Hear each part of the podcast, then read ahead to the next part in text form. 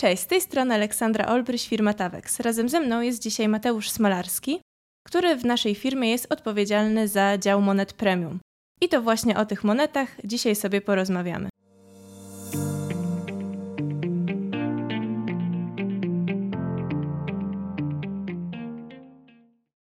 Mateusz, może na początku opowiedziałbyś, czym w ogóle są monety premium, a jakimi cechami się wyróżniają? Monety premium są to monety, które mają odgórnie ograniczony nakład, także nie mamy nielimitowanej ilości sztuk na rynku. No i również cechują się tym, że posiadają bardziej starannie wykonane stemple, stąd mm, piękniejszy obraz można zobaczyć na monecie. Czy masz tutaj przy sobie jakąś monetę premium? Mm, mam, mamy parę sztuk przy okazji. Jedną z nich jest e, Yale 2023 bez Tudorów. Jest to produkt moneta wypita w Royal Mincie, która cechuje się nieograniczonym nakładem, znaczy ma ograniczony nakład, aczkolwiek Royal Mint nie, nie udostępnia go publicznie, także nie znamy ilości monet, która wyjdzie w rynek. A jakie są e, podobieństwa pomiędzy monetami bulionowymi a premium? Monety bulionowe i monety premium mm, cechują się tym, że są wybijane w podobnych gramaturach. Tutaj może być to jedna uncja, jedna dziesiąta uncji lub różne gramatury w zależności od mennicy, która je produkuje. Monety bulionowe również charakteryzują się tym, że są wykonane z czystego złota lub srebra próby 999. W takim razie, czym różni się inwestowanie w monety bulionowe i w monety premium? W przypadku inwestowania w monety bulionowe inwestujemy w wartość kruszcu. E, w przypadku monet e, premium inwestujemy w wartość kruszcu, ale zarówno w wartość, e, można powiedzieć, kolekcjonersko-numizmatyczną, która może być dodana w przyszłości. Tutaj niestety nie jesteśmy w stanie tego zweryfikować w momencie, w którym moneta zostanie wybita.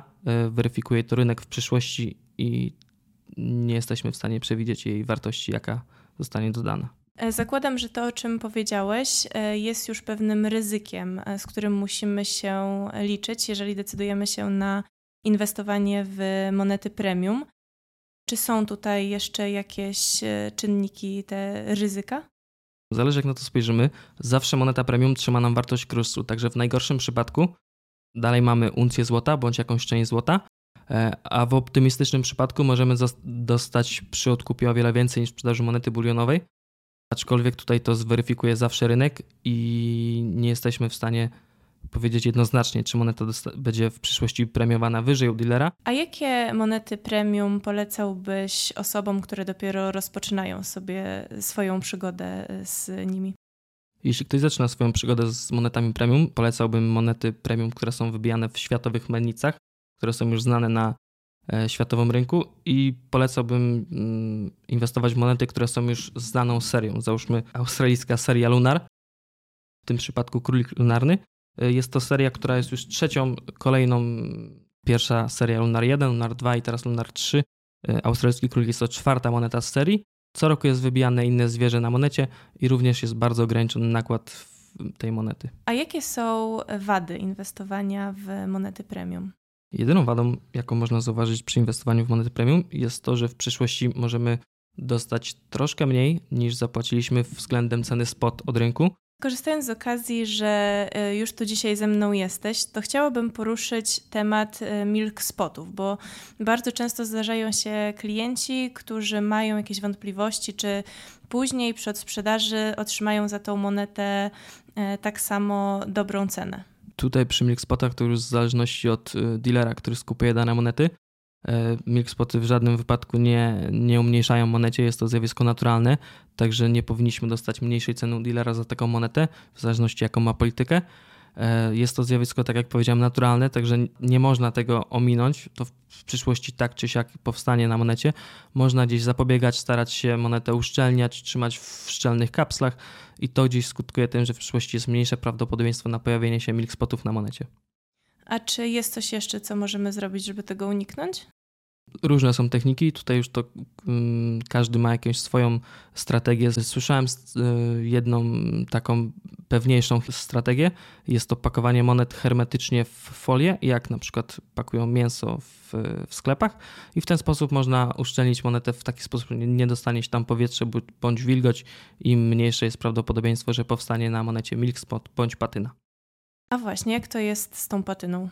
Tutaj z patyną mm, dzieli się klientów na dwie grupy. Jedni uwielbiają patynę, drudzy jej wręcz nie cierpią. Jedny, jeden klient stwierdzi, że jest to zniszczona moneta i nie będzie chciał jej kupić, powie, że to jest złom, drugi klient powie, że to jest autentyczna moneta, bo patyna potwierdza nam to, że autentyczność monety i jest to zjawiskiem również naturalnym i to daje czasami wartości, można powiedzieć, jeszcze ponad kolekcjonerskiej, bo w niektórych przypadkach patyna może dodać pięknego walorowi monecie, jak w przypadku tej monety, która była w rozwalonym kapslu i na całej powierzchni awersu widzimy piękny okaz patyny.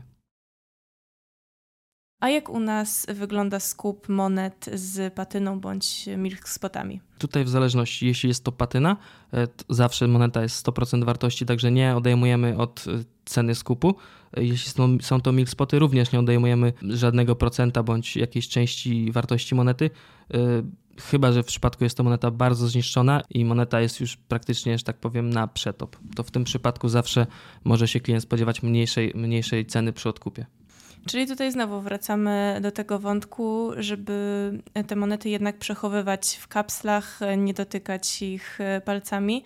No bo tak naprawdę w tej sytuacji jesteśmy sami sobie trochę winni, że coś tam się na niej pojawiło. Jak najbardziej, jeśli mówimy o monetach premium, każdy klient, który chciałby kupić taką monetę u nas, chciałby, żeby była w idealnym stanie. Tutaj nie możemy nic zrobić na patynę bądź milk spoty, a jeśli ta moneta będzie przechowana w niewłaściwy sposób i ktoś będzie ją dotykał gołymi rękami, zostaną podbijane na nich palce bądź jakieś e, inne dziwne rzeczy, to taka moneta na pewno zostanie niżej wyceniona.